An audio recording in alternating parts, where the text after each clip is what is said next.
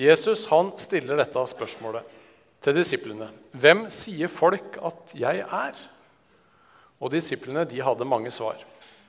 Noen trodde at Jesus var Elia som hadde kommet tilbake, profeten. Noen trodde at eh, Jesus var døperen Johannes som hadde stått opp igjen etter å ha blitt tatt livet av Herodes. Andre trodde Jesus at, at Jesus var en av de andre profetene, kanskje Moses. Og noen trodde helt sikkert at Jesus var en gærning. Og er det ikke sånn i dag også? Noen tror at Jesus bare er en legende, men de har historien og historikerne imot seg. Jesus fantes, Jesus fra Nasaret. Vi dykka litt mer ned i det i august, når vi hadde et foredrag om det som ligger ute på nettet nå. Men hvem var Jesus, da? Var han en fin fyr, et godt forbilde? Men ikke stort mer? Det er mange som tenker sånn. Men som C.S. Lewis har uttrykt det Jesus åpner ikke for det alternativet. Jesus påstår at han er Gud selv. Om det ikke stemmer, så står vi ikke igjen med et moralsk forbilde. Da står vi igjen med en løgner som bevisst lurer oss, eller en galning som ikke vet hva han sier. Men så spør Jesus da sine venner, 'Hvem sier så dere at jeg er?' Og Peter svarer, 'Du, du er Guds Messias.' Noen dager etter den bekjennelsen til Peter så skjer det vi skal lese sammen i dag. Og Da reiser vi oss og leser evangelieteksten fra Lukas 9.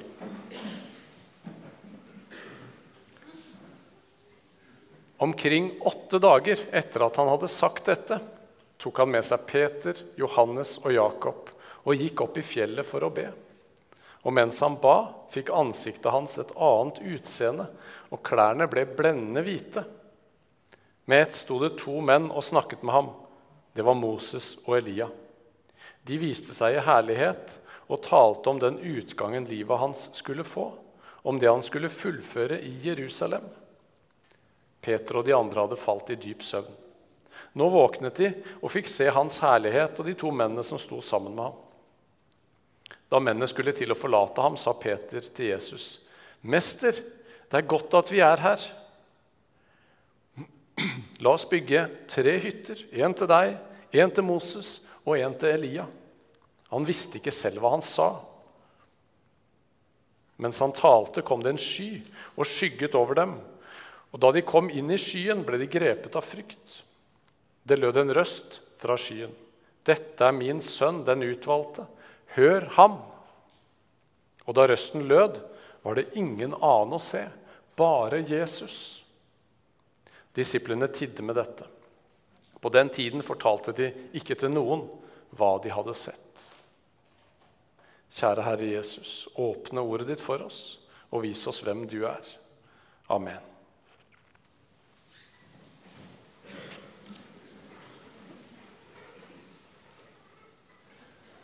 Så fikk disse tre disiplene se. Det er sant, det Peter bekjente.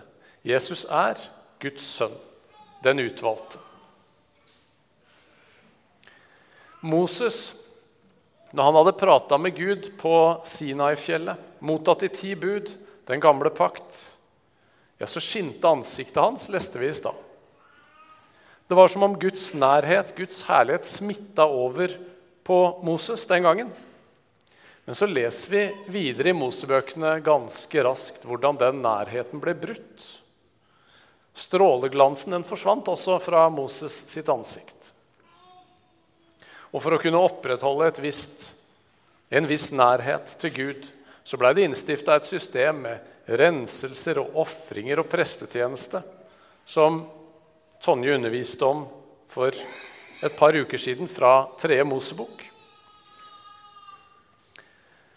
Elia og profetene, som kommer noen hundre år seinere, kaller til fornyelse og forkynner at ja, De forkynner en omvendelse til den pakten som Moses fikk. Venn om. Gud møter Elia også på et fjell, for nærmest å trøste med at Gud har ikke glemt sin pakt, selv om det ser bekmørkt ut. Jeg er den eneste som er igjen av profetene, sukker Elia. Og Gud responderer.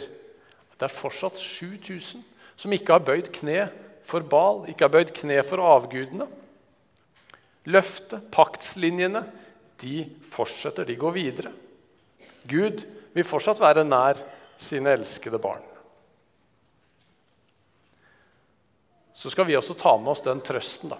når samfunnet sekulariseres og kristendommen blir fjernere og fjernere. Gud har fortsatt mange av sine rundt omkring som ikke har bøyd kne for avgudene. Og nå er vi tilbake på et fjell. Nå er det ikke Moses eller Elia som skinner, men det er Jesus. Han gir oss et glimt av den makt og ære som han eier, og som han ga avkall på når han gikk her nede blant oss. For Jesus er i Guds nærvær. Han er Gud. Og ser vi Jesus, så ser vi Gud.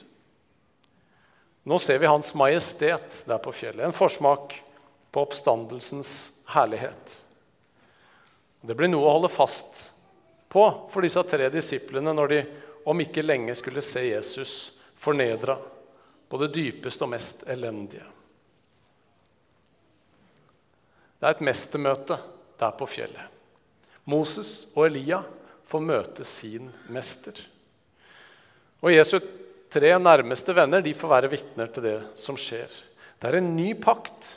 Teksten fra Paulus vitner om en, den gamle pakt. Det er noe nytt som skjer. En ny pakt på fjellet skal forklares. Moses han ville ofre seg for folket han, i ørkenen den gangen for lenge siden når israelsfolket vandra der i 40 år. Men Gud sa nei. Moses var ikke noe fullkomment offer. Han var et menneske av kjøtt og blod som du og jeg, og han hadde sin egen synd å sone for. Men Gud han pekte isteden framover på en profet som skulle stå fram, en som Moses, med en ny pakt. Og Vi kan lese i 5. Mosebok, kapittel 15 og vers 18. En profet som meg vil Herren din Gud la stå fram hos deg. En av dine landsmenn. Ham skal dere høre på. En overskrift over situasjonen og forventningen på profetenes tid kan vi hente fra Jesaja 53. Vi gikk oss alle vill som sauer, hver tok sin egen vei. Men skylden som vi alle hadde, lot Herren ramme ham. Det er skrevet som om at dette er et ubestridelig faktum, noe som allerede har skjedd. Men så er det skrevet 700 år før det skjedde. Så sikkert er Guds løfte. Det er tidløst. Det er ikke bindet av tid. Messias, Guds utvalgte, han skulle komme. Han skulle sone synden for hver bortkommen israelitt og for hver bortkommen hedning. Bringe deg inn i Guds nærhet. Og Derfor er det så fantastisk talende å se hva disse tre nå prata om når de var der på fjellet. Vi kunne sikkert tenke oss en masse spennende ting fra historien de kunne prate om sammen. Men så prata de om én ting. Om det Jesus skulle fullføre i Jerusalem. Påskedagene. For det er det som er høydepunktet. Det er der hele historien har sitt klimaks og kulminerer. Har du tenkt på det, Moses? At kobberslangen i ørkenen den handla egentlig om meg, kunne Jesus si. At i skystøtten og ildstøtten som fulgte dere, ja, der var jeg med dere. At manna på bakken og vann fra klippen, ja, det pekte på meg, livets brød og livets vann.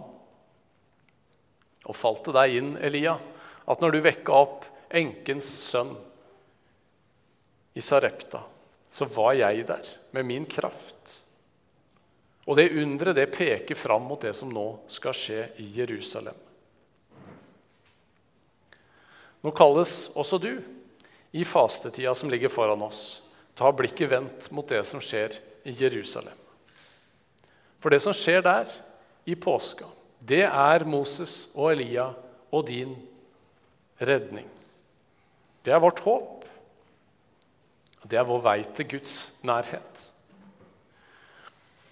Og så kan vi nok ha lyst til å bli værende på dette fjellet hvis vi får være der. Værende med Jesus i herlighet og glans. Capture the moment hadde Cannon som slagord for litt siden. Og det er akkurat det Peter vil når han våkner til dette fantastiske synet. Wow. Ikke dra, Moses og Elia. Her er det godt å være. La oss bygge hytter. Jeg tror Peter krympa seg litt når han tenkte tilbake på denne historien her. Så utrolig kleint. Gud trenger jo ikke dine hytteplaner, Peter. Jesus trenger ikke din moralske støtte. Disiplene sovna både her og seinere i Getsemane. Og det skal vise oss helt tydelig. Dette gjorde Jesus aleine. For deg. Det er han aleine som har herligheten. Han aleine som tar straffen. Og det er bare når Jesus får all ære, det er bare da du kan få all fullkommen trøst. Hvis vi blander vårt eget inn i Jesu verk, ja, da forsvinner også trøsten og hvilen. For vårt eget, det svikter. Men Jesu verk, det svikter ikke. Så kommer Guds egen røst og avbryter Peter. Dette er min sønn, den utvalgte. Hør ham. Det er det Gud vil vi skal vite. Dette er oppsummeringa fra himmelens og jordens skaper. Her er min sønn. Hør ham. Og det skal komme en tid for å flytte inn i Herrens herlighet, der Jesus har forberedt et rom for oss. Men foreløpig så ser vi herligheten bare i et glimt. De fikk en lomme av himmel på jord, Peter, Jakob og Johannes. Og kanskje får vi også det noen ganger. Men la oss ikke falle for fristelsen og tenke at her skal vi bli værende. Tviholde på det øyeblikket. Eller jakte på opplevelser, sånn at vi aldri kommer ned til de andre i dalen. For i dalen så er det fullt av mennesker som trenger Jesus. Og det er behov for Peter, Jakob, Johannes og deg som kan peke på Jesus, vitne om han om hvem han er. Sånn som Peter skulle få vitne til sine venner, som vi kan lese i 2. Peters brev. Der skriver han vi fulgte jo ikke klokt uttenkte myter da vi kunngjorde for dere vår Herre Jesu Kristi kraft og Hans komme. Nei, vi var øyenvitner og så Hans guddommelige storhet. For han fikk ære og herlighet av Gud, sin far, den gang røsten lød over ham fra den høyeste herlighet. Dette er min sønn, den elskede. I ham har jeg min glede. Vi hørte selv denne røsten fra himmelen da vi var sammen med ham på det hellige fjellet. Peter hadde hørt det sjøl. Har du også hørt? Ja, vi får lov til å stille spørsmål i møte med en sånn tekst. Hvorfor i all verden viser ikke Gud seg sånn for meg også? Sånn som for disse tre? Da skulle jeg vel trodd, da. Er ikke dette urettferdig? At noen får oppleve store ting med Gud? Hva har jeg opplevd? Er det ikke noe spesielt å skrive en bok om? Ja, sånn kan vi tenke. Men er det her slaget står? I de store opplevelsene? Jeg vet ikke hva de andre disiplene tenkte, de som ikke fikk være med. Kanskje var de ikke modne nok. Kanskje ville de ikke være med. Det var sikkert stress å komme seg langt opp i fjellet. Jesus ba sikkert i lange tider. Vi vet ikke hva som skjedde. Men disse blei valgt ut. Men Jesus han har lova å la seg finne av oss alle. Og ditt forklarelsens fjell, forklarelsens berg, det er bønn, det er Bibel, og så er det det kristne fellesskapet som vi er samla i i dag. Der hvor to eller tre er samla. Når Jesus rett før sin himmelfart seinere var at Peter han var veldig opptatt av hva som skulle skje med Johannes. Fokuset hadde liksom skifta fra at han hadde fokus på seg og Jesus. Liksom, hva skal skje med Johannes? Da sier Jesus det helt enkelt. Hva angår det deg? Følg du meg. Følg du meg, inviterer Jesus hver enkelt. Og i ham så får vi smake den kommende herligheten midt i vår reise på veiene ute i verden, som salmen sier. Vi får oaser i dåpen, som vi skal samles om etterpå. Det fantastiske underet. I nattverden, som vi nå skal ha om to uker. Og i bibelordet, som vi har tilgjengelig for oss hele tida. Her mottar vi Jesus. Her vekkes vi til handling, til omsorg for alle som lever i nød. Og som Moses og Elia og alle skriftene får peke på Jesus, vise hans herlighet, så skal vårt liv også få gjøre det i all sin enkelhet. Så kan vi gi Jesu kjærlighet videre. Og om mulig å lede hvert eneste menneske til tro på sannheten. Og da røsten lød, var det ingen annen å se, bare Jesus. Kjære dere, det er nok. Det er alt.